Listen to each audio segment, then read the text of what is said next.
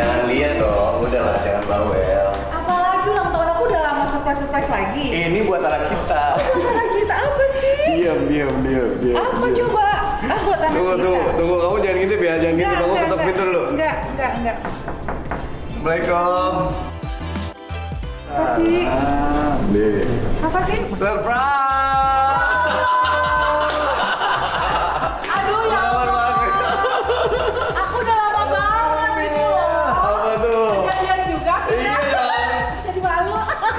Berhubung anak yang terakhir kita ini anak laki-laki jadi auranya pengen kayak Bang Sandi gitu. Udah lama banget nih kita pengen ketemu Bang Sandi. Selamat banget loh. Terima kasih, terima Udah- kasih. Udah mau brojol baru ketemu. Kan bagus justru Oh, iya, biar iya. auranya keserap begitu keluar langsung keluar. Amin. Amin, amin, amin, amin, amin, dan jadi Amin. berguna bagi Nusa dan Amin. ya. Amin, amin, amin. Akhirnya kita ada Iya di sini juga. kesempatan untuk ketemu sama Bang Sandi. Aduh. Yuk kita ngobrol di Boleh, boleh, boleh.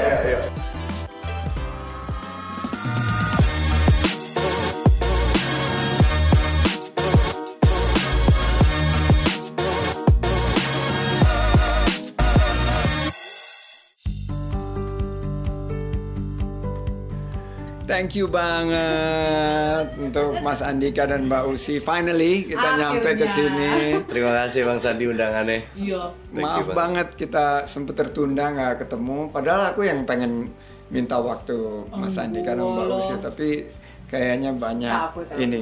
Jodohnya hari Tak apa, ini tak lah kita Jodohnya syukur hari ya. ini. Tak apa, tak apa. Tak apa. Tak apa. ah. Justru ini momen yang pas.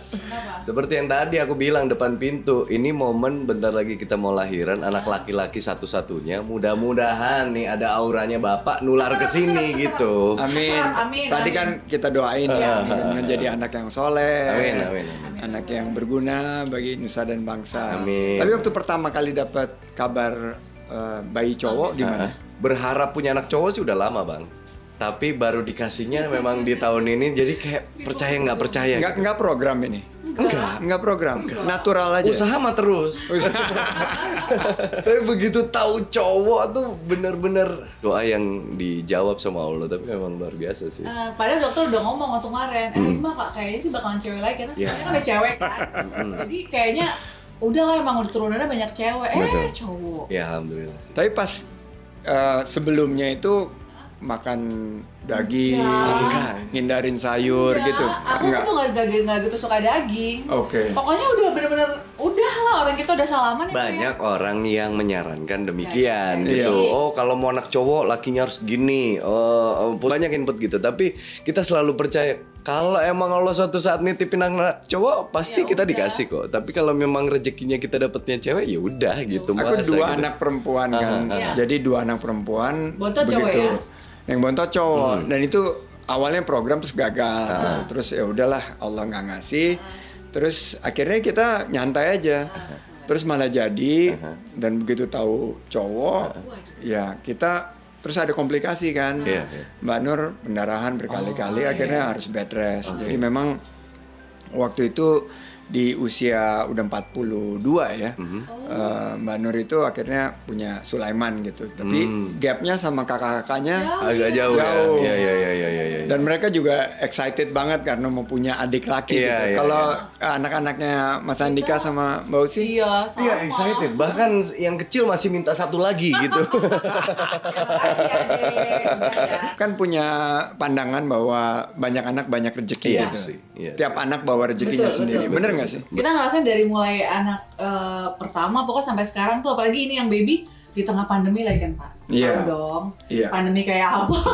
Terus kerjaan juga gimana? Tapi ada aja ya Bu ya. Ini belum keluar alhamdulillah ya. Iya, ka- kadangkala kekhawatiran kita itu terhadap hal yang belum terjadi gitu. Iya. Waduh, ini lagi hamil kondisi pandemi nanti gimana ke depannya? Usaha tutup semua. Aduh, maaf nih jadi curhat. Ini ya ada beberapa usaha yang sempat harus Iya. tutup Iya, karena pandemi. ya. iya. Bisa ceritain nggak tuh? Jadi kemarin ini memang kita sempat berpikir untuk bertahan nah. Bertahan terus mencoba untuk cari solusi. Cuman kayaknya nggak mungkin. Jadi Hmm. pas kemarin akhirnya kita memutuskan udahlah uh, kita tutup dulu. Nanti tahun depan kalau pandemi ini sudah mulai uh, Reda, hilang, ya. udah mulai normal lagi, mungkin kita akan membuka lagi. Tapi yang restoran aja. Kalau yang lainnya sih alhamdulillah masih berjalan walaupun tertatih-tatih perumahan, make up ya. Iya. Properti masih agak jalan. Properti masih tapi ya ya gitu deh. Cuman ya udahlah sekarang. Slow down ya. Iya, Yes. banget sih, Bang. Ya, Abang pasti jadi pengusaha yang gede aja pasti berdampak Banget. apalagi kita yang kecil-kecil ini. Portfolio kita termasuk beberapa usaha-usaha inti seperti di sumber daya alam itu turunnya sampai 70%. nah, itu dia. Nah, tapi memang tantangannya itu kan kalau misalnya kita kita kan nggak mau PHK ya. Iya, betul. Pengennya sih begitu Pengennya sih, gitu. Iya, tapi kadang-kadang situasinya sangat mendesak gitu. Iya, iya. Iya. Waktu mutusin untuk nutup se- Iya, berat banget kan. Iya, betul. Pertimbangan kita adalah begitu. Mungkin kita bisa pakai uang pribadi untuk eh, talangin eh, ke karyawan kita, tapi itu bertahan hanya beberapa bulan. And then keluarga kita yang akhirnya terancam. Jadi Iya. pada akhirnya kita berpikir kita harus nyelamatin kita dulu nih. Akhirnya mereka sekarang karyawan kita tuh ada yang jualan-jualan makanan sendiri, terus aku suka bantuin promosi gitu Eh, kan. seru banget. Iya, Jadi- jadi aku cuma bisa bantu itu ya. Spesial banget ya ngepromosi Andika Mausi.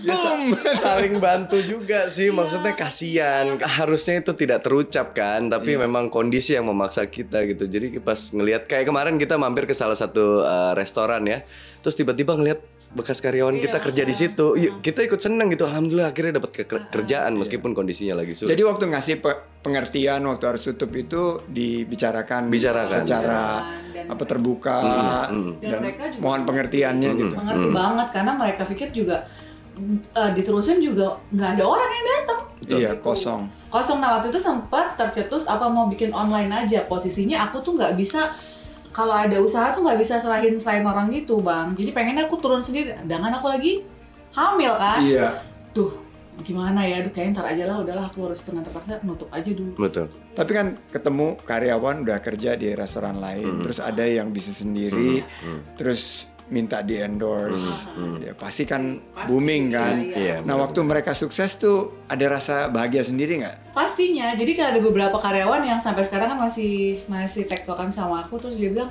aku sekarang jadi banyak langganan nih dari sini dari sini. Ya walau aku nggak tahu berapa nominalnya ya dari situ. Cuman seneng aja gitu. Berarti kan mereka keluar dari eh, restoran aku punya kebiasaan yang bisa menghidupi lagi keluarganya walaupun dengan lingkup yang mungkin lebih kecil atau lebih besar aku nggak tahu. Dan itu tuh satu kebanggaan sih. Tapi ini ciri-ciri entrepreneur yang tangguh ya guys, Gimana tuh? karena eh, Mas Andika sama Mbak Usi ini begitu eh, keadaannya memaksa untuk harus merumahkan karyawan, memberikan pengertian, tidak tertutup, langsung terbuka, Iya. ajak Iya. dialog, terus bilang apa yang bisa dibantu, endorse, Iya. dan ternyata sebagian dari mereka yang sudah bisa mengembangkan usaha kita jadi ikut bangga. Iya. kan? Iya, ya, puas. Nah, seorang entrepreneur yang sukses itu seneng gitu kalau ngelihat yang pernah kerja sama Iya. dianya juga sukses. Mhm. Kan banyak tuh yang bilang, "Ah, saya ng- merasa terganggu gitu kalau yang pernah kerja sama kita Hmm. sukses." Nah, seorang entrepreneur yang tangguh itu justru yang bangga ya. Iya, dong. Karena ini dulu tim kita gitu Betul, loh. betul, betul. Dan mereka kan keluar dari kita juga tanpa ada masalah apa pun kan dari Iya, mereka betul. kan kecuali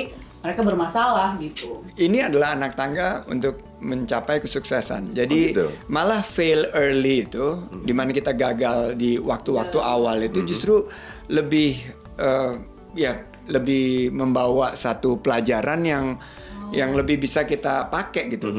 Nggak jatuhnya itu pas sudah di agak di atas. Iya, gitu. iya. Kalau jatuhnya masih di bawah kan kita Iya. lebih banyak lebih cepat belajar. Jatuhnya nggak terlalu gedebuk gitu, terus kita bisa bangkit. Nah tapi ini sebuah antitesa ya, bahwa biasanya kan bisnisnya artis, Nah, jutaan followers Iya. dan subscribersnya gitu, pasti kan identik dengan kesuksesan gitu. Iya. Dan jarang sekali mendengar kalau misalnya usaha-usaha dari teman-teman artis itu ngalamin kesulitan kayak gini. Tapi kan pandemi COVID-19 ini Iya. menunjukkan hal yang lain. betul Nah, ini yang saya salut juga sih bahwa kalian menyikapinya dengan ya ini adalah bagian daripada iya iya iya. iya. salah satu kegagalan yang harus di di dilakoni dan harus di sharing. Nah, kalau lihat dari sini hikmahnya apa? Memang memang sulit lah menjalankan sebuah bisnis itu sangat bertolak belakang dengan profesi kita di dunia entertainment ya. Biasanya kita dikemas oleh orang lain untuk bisa menampilkan sesuatu yang terbaik untuk jadi tontonan gitu. Tapi di sini kita berusaha mengemas anak kita sendiri yang kita pikirin dari awal secara planning sampai strategi marketingnya sampai akhirnya launching dan running gitu lebih kompleks secara masalah gitu kalau merintis sebuah usaha tapi ada nilai kepuasan ketika memang kita reach beberapa poin yang kita pengen capai gitu. Cuman ketika gagal ya itu yang masih sedang kita cari. Gimana caranya menyulut lagi semangat untuk memulai langkah gitu.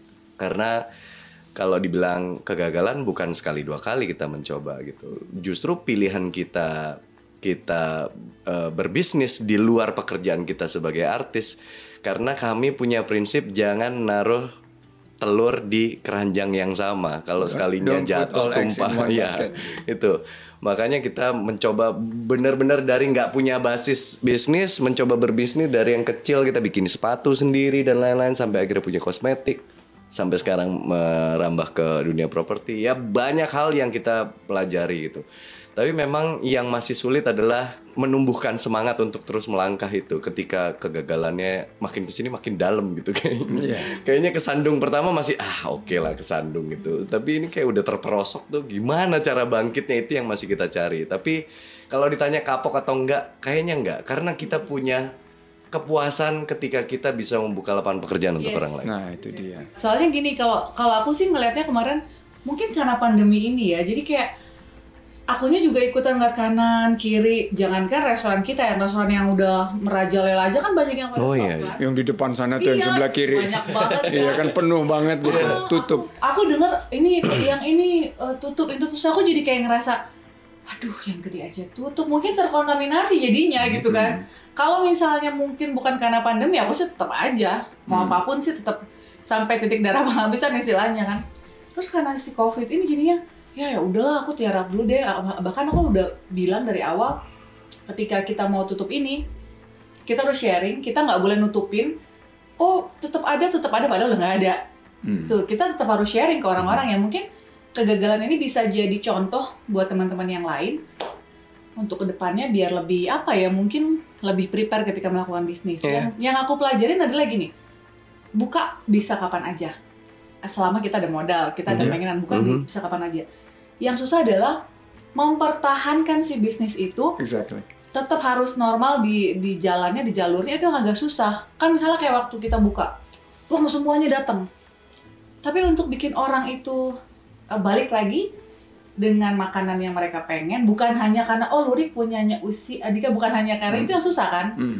nah itu yang aku pelajarin sih jadi nextnya justru manajemen dari sebuah restoran atau bisnis apa pun itu yang paling penting dibanding modalnya yeah, betul. aku jadi nama nama embel-embel nama artisnya itu nggak jaminan bisnisnya akan terus sukses sih menurut yeah. menurut kita sih di awal aja mungkin orang penasaran kan oh pengen nyobain nih punyanya ini tapi abis itu kalau emang makanannya mungkin tidak memuaskan apa? Yang bikin mereka balik itu adalah kualitas rasa. makanan, ya, selera, rasa sama pelayanannya. Betul, betul, betul. Dan tempat juga ternyata itu juga oh, iya. sangat iya. lokasi. Uh, lokasi itu ternyata sangat mempengaruhi banget ya. Kemarin tuh aku waktu nyari tempat yang ada aja deh.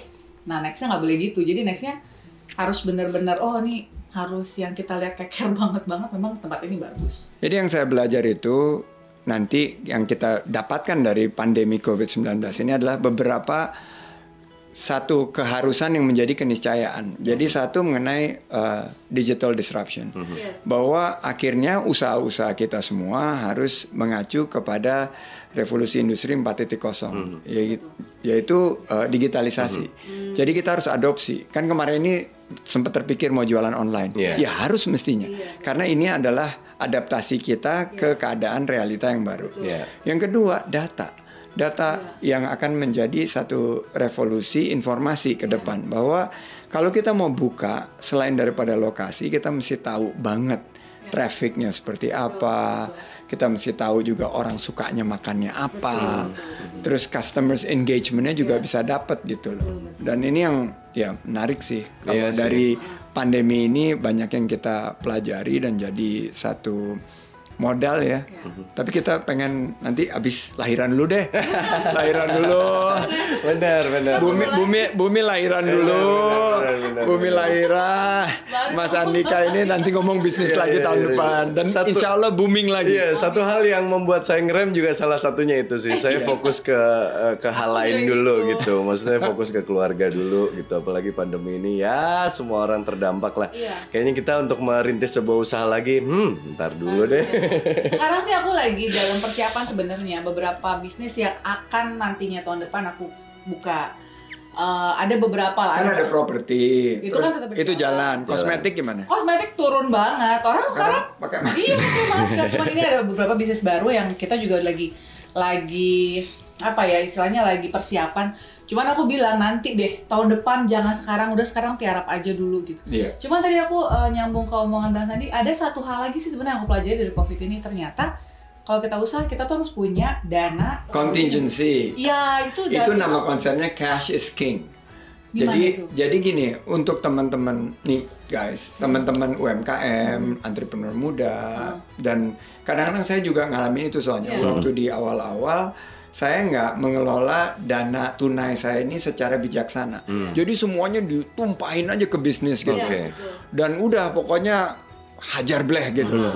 Tapi ternyata bisnis itu kan ada siklusnya, naik Betul. turun naik turun. Nah, kita harus punya cadangan gitu. Nah, itu yang disebut sebagai cash is king. Jadi kita harus nyimpen dana yang seandainya rainy days itu begitu hujan kita punya Iya. payungnya Oke. gitu loh. Jadi belajar dari sini juga memang pengelolaan keuangan yang secara ketat dan disiplin itu penting banget. Karena bukan hanya pandemi ini, sik- siklus bisnis itu kan selalu ada. Walaupun tidak ada pandemi, Iya. siklus bisnis itu naik turun Pasti, seperti roda yang berputar. Iya, betul. Jadi pengelolaan dana yang kalau kita sebut sebagai dana cadangan itu Dana cadangan, iya, harus ada. Nah, itu yang kita Itu kemarin nggak punya. Iya makanya itu yang aku pelajari. Kita kayak Bang Sandi yang tadi cerita, kita punya dana, kita tumpahin semua ke bisnis iya. gitu. Enggak, tapi itu kan kalau yang pribadi maksud aku di dalam perusahaan itu misalnya kayak kan kita ada uh, untuk kesehatan karyawan kan, untuk THR ada. Tapi sebenarnya harus ada dana cadangan di perusahaan itu yang untuk kayak gini-gini nih, no juga Betul. menjalik sih. Betul. Itu yang aku pelajarin. Oh iya ternyata kita nggak punya dan dan kayaknya hampir semua perusahaan yang lain juga mana ada yang tahu sih bakal ada kayak gini. Hampir semua, tapi ada perusahaan rata-rata perusahaan yang udah menengah dan besar bisa lebih bertahan karena mereka nyiapin ini. Oke. Nah, ini walaupun bisnis lagi struggle, tapi aku sih senang banget ngelihat kalian ngedidik anak-anak ya. Wah. Kompak banget dan eh, selalu pakai baju yang sama. Oh, itu kan usaha mamanya aja supaya anak-anaknya terlihat kecil terus di depan dia gitu. tapi mereka ini patuh ya. Alhamdulillah sih kalau kalau kita ya kalau kita boleh bilang nggak ada yang aneh-aneh sih pu ya. Enggak sih, meskipun warnanya berbeda-beda ya. Berbeda-beda. Ada yang ekstrovert, ada yang introvert, ada yang uh, princess banget, ada yang tomboy, Tomboy banget, banget. tapi rata-rata mereka semua nurut lah Masih gitu, masih ga- alhamdulillah. good Dan- girl banget. gitu. Dilarang punya akun medsos juga nurut gitu. Yang dewasa sih dulu pengertian yang kita kasih ya sebatas ah nggak perlu kamu masih belum umurnya dan lain-lain. Ketika mereka ngerasa kan teman-teman aku udah pada punya, ya kita kasih pengertiannya lebih deep lagi ke mereka bahwa Gimana tuh cara ngomongnya? tuh? hmm, Kalau dulu aku alasannya adalah dari komen. Iya. Aku bilang gini, "Eh, Mama merasa kalian belum cukup kuat untuk menerima komen-komen tau sendiri kan sekarang netizen asal jeblak asal jeblak. Jadi ad- kayaknya belum belum belum bisa menerima. Nah awalnya mereka protes terus aku tunjukin, nih kalau kakak baca komen kayak gini udah siap belum? Kalau mama sama papa mah diujek-ujek sama orang udah udah bodo amat. Oh se- separah ini ya kan? Nah belum kan? Jadi kalau emang belum bisa ya udah hidup kalian udah sangat bahagia tanpa Mhm. adanya Instagram hmm. gitu dan akhirnya mereka dengan sendirinya ya udah malah sekarang yang nomor dua tuh saking bencinya sama eh, medsos ya nongol di YouTube aja tuh nomor dua tuh males banget karena dia bilang ini privasi aku aku nggak mau terlalu banyak orang tahu tentang hidup aku katanya. Jadi oh ya udahlah. Ya kita kenalkan ke mereka bahwa kalau di sosmed kan lingkungannya heterogen ya, nggak nggak melulu orang yang mampir di akun kita itu orang yang berniat positif atau baik gitu. Ya kenapa salah satunya tadi terang-terangan kita tunjukin komen jelek tuh sekaligus melatih mereka gitu untuk menguatkan mental bahwa kita harus juga pinter-pinter pilih circle dan kita harus punya mental yang kuat kalau tiba-tiba ada hal yang negatif mampir ke kita kita bisa uh, take care ourselves gitu. Seru banget kali ya empat uh, perempuan ini. Wow. Paling ganteng sendiri. Iya, iya, Dulu iya. saya ngerasa juga paling ganteng sendiri. Karena kan dua perempuan. Tapi gimana cara ngenalin bakatnya masing-masing? Karena each pasti different kan. Iya, Beda. Nomor iya, satu, iya, nomor nomor iya, dua. iya. Cara ngenalinnya sih sebenarnya kita nggak pernah mandu ya, Pu ya. Kita nggak pernah uh, ya, memaksa mereka harus jadi A, B, D, C, D dan dan dan seterusnya. Bahkan uh, kadangkala kalau kita kelepasan terlalu drive mereka kita suka saling ngingetin Iya, satu sama iya, lain iya, gitu. iya. Kayak contohnya misalkan anak kedua kita sukanya dance. Oke. Dia uh, berambisi jadi dancer profesional. Dia suka cover-cover dance-nya K-pop dan lain-lain. Uh, pernah sekali waktu tercetus dari mamanya ketika dia mengungkapkan kesukaannya sama hal itu, mamanya bilang, "Mau jadi apa sih, Kak? Jangan jadi dancer dong. Kamu tuh harusnya jadi A gitu katakanlah gitu." Saya yang jewer kupingnya dia, itu kan minatnya dia. Jangan kita patahkan mimpinya dia, karena kita nggak pernah tahu loh dari jalan itu nanti akan membawa dia ke mana gitu. Toh anak segitu masih mut-mutan dan lain-lain. Kita lebih hati-hati ke situ sih. Misalnya yang sekarang anak pertama lagi demen-demennya turun ke dapur. Oh iya, bikin konten ya. Ya, bikin kue, bikin, Bikin apa konten. gitu. Kita berusaha untuk selalu appreciate dan dukung dia apa pun hasilnya. Misalkan kita gigit wah terlalu apa tapi uh, good job kak kakak udah berani mencoba karena kita harus hargai itunya gitu Iya, masalah ini belum sempurna nggak masalah umurnya masih panjang gitu Yang eh, YouTube ini juga karena pas lagi Aku- COVID ini. iya Awalnya bukan karena COVID, karena pendarahan itu. Jadi aku pendarahan di rumah sakit. Terus kan konten nggak nggak ada yang bikin kan? Akunya lagi di rumah sakit. Terus dia tiba-tiba sini kakak mau masakin mama dia buat masuk rumah sakit. Nah dari situ terus terusan tadinya kalau asal di, diajak syuting juga males-malesan kan? males-malesan. Gara-gara itu sampai sekarang. kalau kamera ke dia kita hmm, gitu gitu sih? Kan kadang-kadang kita pengen nunjukin anak di kamera itu bukan karena eh, ah, bukan karena pengen masuk di apa di, di konten kita tapi kan kayak satu kebanggaan kan? Kayak ini loh anak-anak aku loh. Pengen begitu namanya ibu. Jangankan itu di Instagram aja kadang-kadang kamu mau foto dong kalau yang kecil-kecil nih masih wah masih narsis segala macem kalau yang gede susah banget tapi sekarang yang yang nomor satu tuh lebih luwes Oke. kalau nomor dua kita tidak mau masakan karena dia yang tadi tuh dia bilang ini privasi aku. Oke. udah. Kalau nomor tiga, nomor empat, nah itu jangan Nomor ditanya. tiga katanya banyak ini ya tawaran iklan, syuting. Iya Iya, ya. iya. Kayaknya nurun banget gitu ya. Kayaknya sih, karena kemarin Itu. Kemarin sempat ketahuan sama mamanya dia bikin note di handphonenya Iya, eh, tugas sekolahnya ya. iya, tugas sekolah. Dia nulis apa hal yang dia sukain Iya. itu ketika dia disuruh nyanyi dan ngedance lalu acting di depan kamera. Iya. Dia Oh, tulis oke. itu Dia untuk note. Dia bilang sama aku lihat ini punya Elia gitu. Oh jangan-jangan bakatnya kita nurun ke dia. Tapi dulunya soalnya juga enggak ya, Bu ya? Dulunya Dulunya sih enggak. Yang nomor tiga tuh enggak. Baru-baru aja, baru dua tahun belakangan.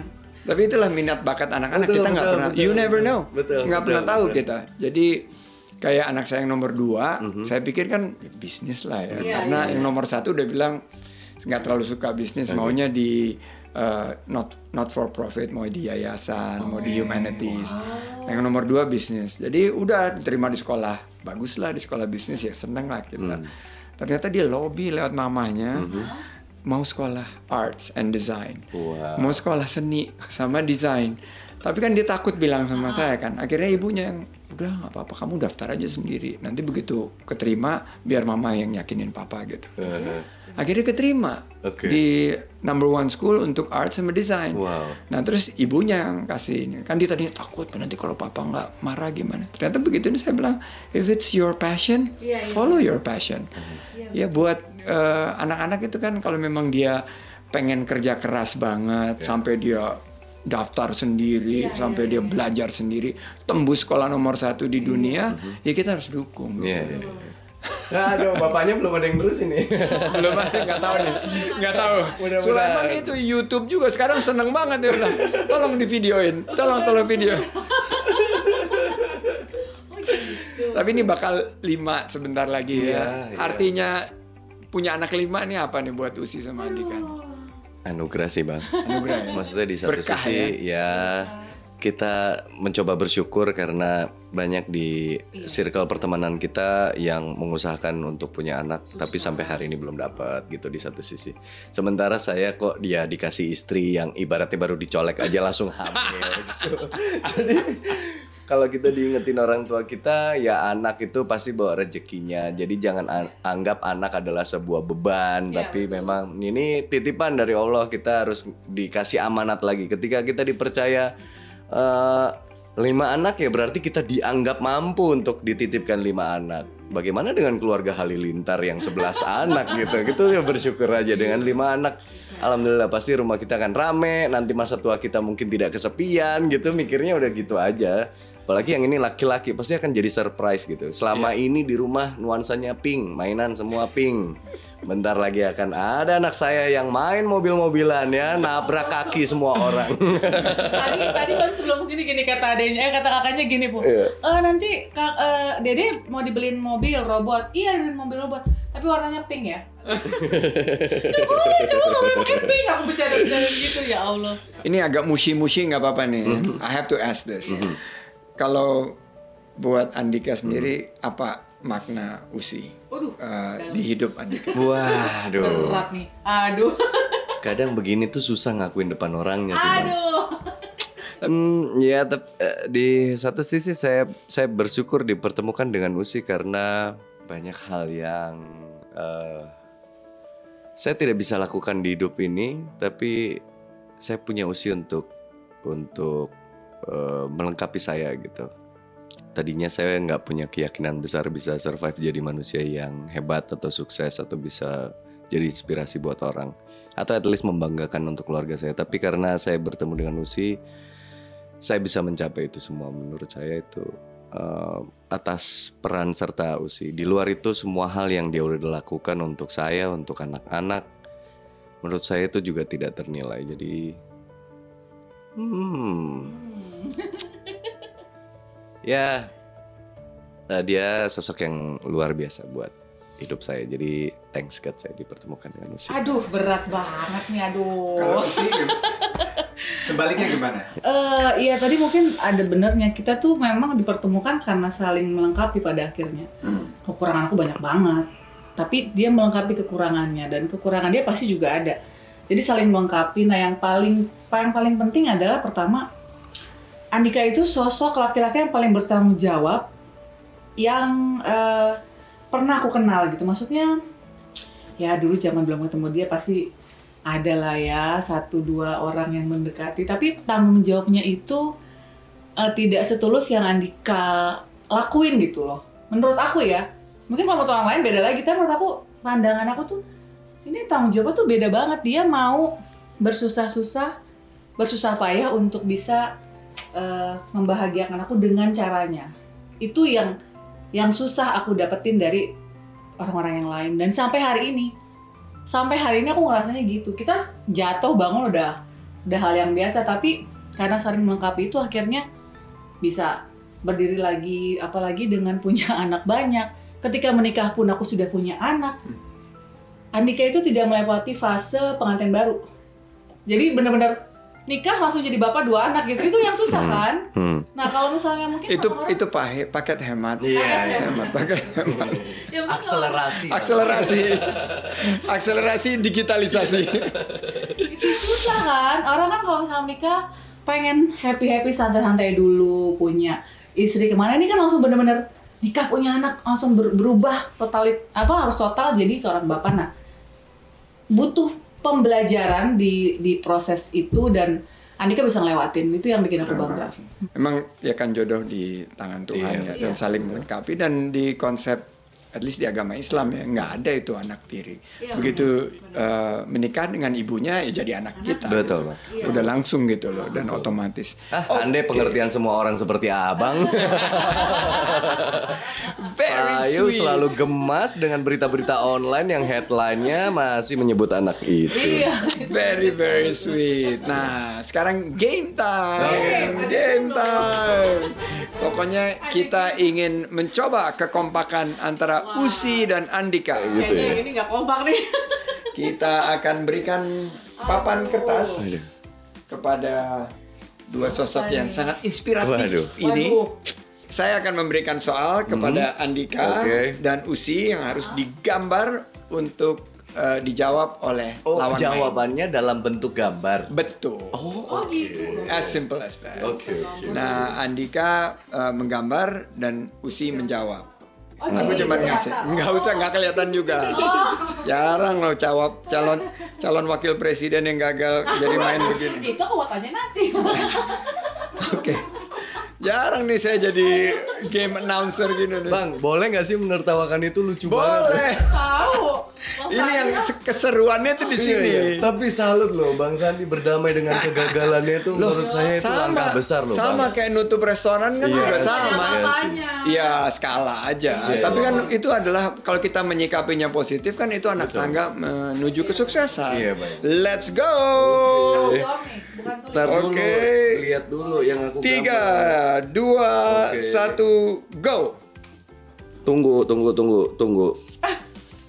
Ini sih gampang lah. Apa sih itu? Kompak ini. Pupu pasti tahu. Aku masih tahu katanya. Nih. Jelek banget gambar. Eh gila keren banget lah. Nih. Bel. Bel masuk rumah. Ya. Bel masuk pintu rumah. Ya udah benar. Udah bener tuh. Bel. Belok. Bukan. Ini. Itu kan bel. Udah benar. Nih. Bel rumah bunyi. Ting ting ting ting ting. Oke, ting. ini ini bel rumah bunyi. Tapi karena belnya udah, rumahnya udah, terus bunyinya tadi udah pernah kesebut Iya, tadi. iya. Jadi Jadi karena kebijaksanaan, Oh iya iya. saya presiden kebijaksanaan. saya kebijaksanaan saya kasih 80 persen. Wah. Iya iya iya. 80 persen. 80 persen. Oke. Waduh, aku nggak bisa gambar. Aduh. Salah. Nggak bisa aku. Gambar paling jelek. Let's go. Sekarang Mbak Usi. Usi yang gambar. Oh my god. Ini mah gampang banget. Aduh. Soalnya gampang tapi menerjemahkan dalam gambar untuk usi pasti akan sulit ya. Gampang. Aduh, aduh, aduh. Usi gambar orang aja salah, gambarin anak saya orang aja salah. Eh, aduh, gambarnya gimana itu? Aduh. Yang pertama gampang, yang kedua gampang Iya. banget. Du duit. Tunjukin sana, tunjukin. Ya, duit, duit, duit, jajan, duit, duit belanja, duit belanja istri. Du duit, duit bulanan istri. Du Selain itu apa? u- uang, Iya. uang, bulanan, belanja istri. Yes. Ya itu, nggak ada apa-apanya kan? Aduh ya Allah, Iya, iya, banget. iya, iya, uang Iya, iya. Tapi itu eh, ini kreatif loh, Iya. guys. Lihat guys. Iya. Dia dia, dia ngegambar dirinya sendiri. Mumu. rupiah. Wah, Coba ini gimana belanja Iya, coba? Iya, iya. Ini aku mau gambar tas, mau gambar tas, mau gambar buah nggak nggak bisa. Iya, iya. Oke, Ya Allah. satu putaran Iya. terakhir. Ini skornya eh, satu dan 0,8. Waduh, ya 80% ya. Sangat bijaksana ya Anda sebagai pemimpin ya. Ya, kan ini harus kita dalam masa pandemi yang Baik, sulit baik, ini. baik, baik. Harus membahagiakan. Aduh, gimana tuh?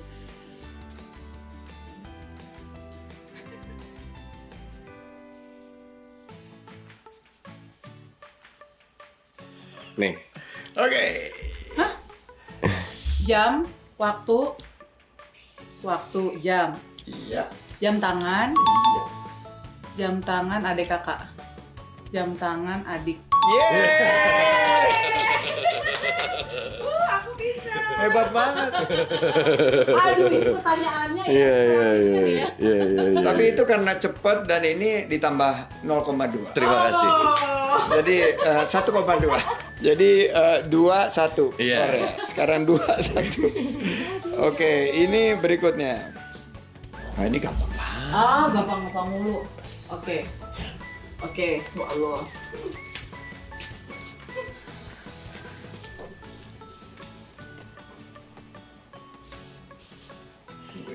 Niat banget. Allah, Ya. pokoknya gitu deh, next. Oke, sip. Oke, Coba lihat. Kasih lihat. Coba lihat. ini dulu. Ini apa? Ini tangga. Iya. Tangga, nada, tangga, nada, gitar. Yeay! Kompak banget. Ya, lebih kayak ukulele ya kecil banget ya. Aku nggak bisa gambar gitar. Gitar. Masya Ya Allah. guys tuh. Ini karena suami saya pintar aja. Coba, coba gila. Kan kirain gambar apa yang ini bang? Ini kayak kacang. Iya. Ya Allah. Tapi kompak banget. Aduh, Dan ternyata saking kompaknya skornya dua sama. Wah, iya. Dua sama. Dan ini berakhir seri. Berakhir seri. Eh, seru banget. Nah ini pertanyaan penutup. Pertanyaan penutup. Nah kan mendidik empat anak dan akan Iya. nambah satu nih. Apa yang sebetulnya value atau nilai-nilai yang mau disampaikan? Ya mudah-mudahan anak-anak Iya. ini akan tumbuh berkembang seperti apa yang Kita pengen. Hmm. diinginkan Oh, Andika bukan mau apa. Usi. Usi dulu. Usia dulu. Kalau aku sih dari dulu selalu ngasih tau pengennya anak-anak aku itu tumbuh sewajarnya anak-anak atau sewajarnya manusia lainnya. Jadi aku nggak mau mereka kayak oh gue anaknya Andika, anaknya Usi. Ah, ah, sama sekali nggak pengen mereka berpikir gue spesial dibanding teman-teman yang lain gitu. Hmm. Jadi ya makanya kadang-kadang teman-teman aku pada bilang kok anak-anak lo sederhana banget sih gitu Oke. kok bisa begitu ya karena itu yang aku ajarin misalnya kayak hmm, yang nomor tiga nih dia kan lagi spesial spesialnya nih ya di mana mana dipuji orang wah ini tapi aku berusaha enggak kamu tuh sama aja sama kakak-kakaknya sama adikmu tuh sama gitu jadi nggak mau mereka ngerasa intinya nggak mau mereka ngerasa lebih spesial di lingkungannya karena ya udah sewajarnya aja sewajar manusia yang lain gitu pengennya sih aku selalu eh, mereka berpikir seperti itu sampai mereka gede nanti Mas Andika. Eh, eh, kalau saya selalu berpegang teguh sama hal yang diberikan ibu saya. Ibu saya sering berpesan gini, "Hmm, kalau mau jadi orang, kan orang Jawa kan, kalau mau jadi orang, tirulah sifat air. Air itu bermanfaat buat orang lain, air bisa masuk ke segala ruang. Eh, air dalam jumlah yang tepat pasti banyak manfaatnya, tapi kadangkala ketika eh, diperlukan dalam volume yang besar juga bisa menghancurkan se- eh, sesuatu yang ada di hadapannya. Jadi saya selalu tanamkan itu ke anak-anak juga dan saya pernah sampaikan ke yang gede-gede gitu bahwa kalian harus bisa eh, tiru sifat air karena menurut saya itu yang saya bawa sampai hari ini dari ibu saya. Gitu. Keren banget. Terima kasih Thank Andika you, Bang Sandi. Kasih, pen- Bang. pendengar podcast Ruang Sandi. Ada keberanian-keberanian yang harus kita siapkan untuk melakukan sesuatu. Berani memulai, berani berjuang dan berani menutup dan berani gagal. Berani gagal ini kadang kita harus lewati sebagai satu anak tangga untuk mencapai kesuksesan. Kita lupa kalau gagal juga harus disiapkan. Jadi kalau jatuh itu juga paling tidak tidak gedubrak. Jadi jatuhnya itu disiapkan bukan hanya diterima. Bagaimana kita bisa bangkit kembali. Dari Usi dan Andika kita belajar banget hari ini untuk menerima kegagalan dulu. Untuk bounce back lebih tinggi lagi. Amin amin ya robbal alamin. Jangan lupa guys untuk subscribe, like dan komen dan share. Tombol like ini pencet pencet pencet pencet. Usi Andika bantu share ya. Pasti, Iya, siap, pasti. siap, siap, siap. Karena ini kan kita masih UKM kalau dibanding sama kalian. Kita kan dua pak subscriber ini dibanding sama kalian. Jadi tolong dibantu. Bareng-bareng. Tapi saya mau nanya sama Bang Sandi. Boleh. Lebih penting mana jumlah view dan impact dari videonya? Saya lebih ke arah impact sih. Yes, saya setuju. Saya ingin uh, menghadirkan satu Indonesia yang lebih baik, lebih maju, sejahtera, adil dan makmur. Walaupun subscriber Sandi uh, ruang Sandi ini sedikit, tapi bisa mencetak uh, beberapa game changer, beberapa leaders itu, ya saya udah bersyukur banget. Itu yang penting banget. benar kita juga begitu mikirnya Sampai jumpa di podcast ruang Sandi berikutnya. Terima Sekarang kasih. waktunya foto-foto. Iya.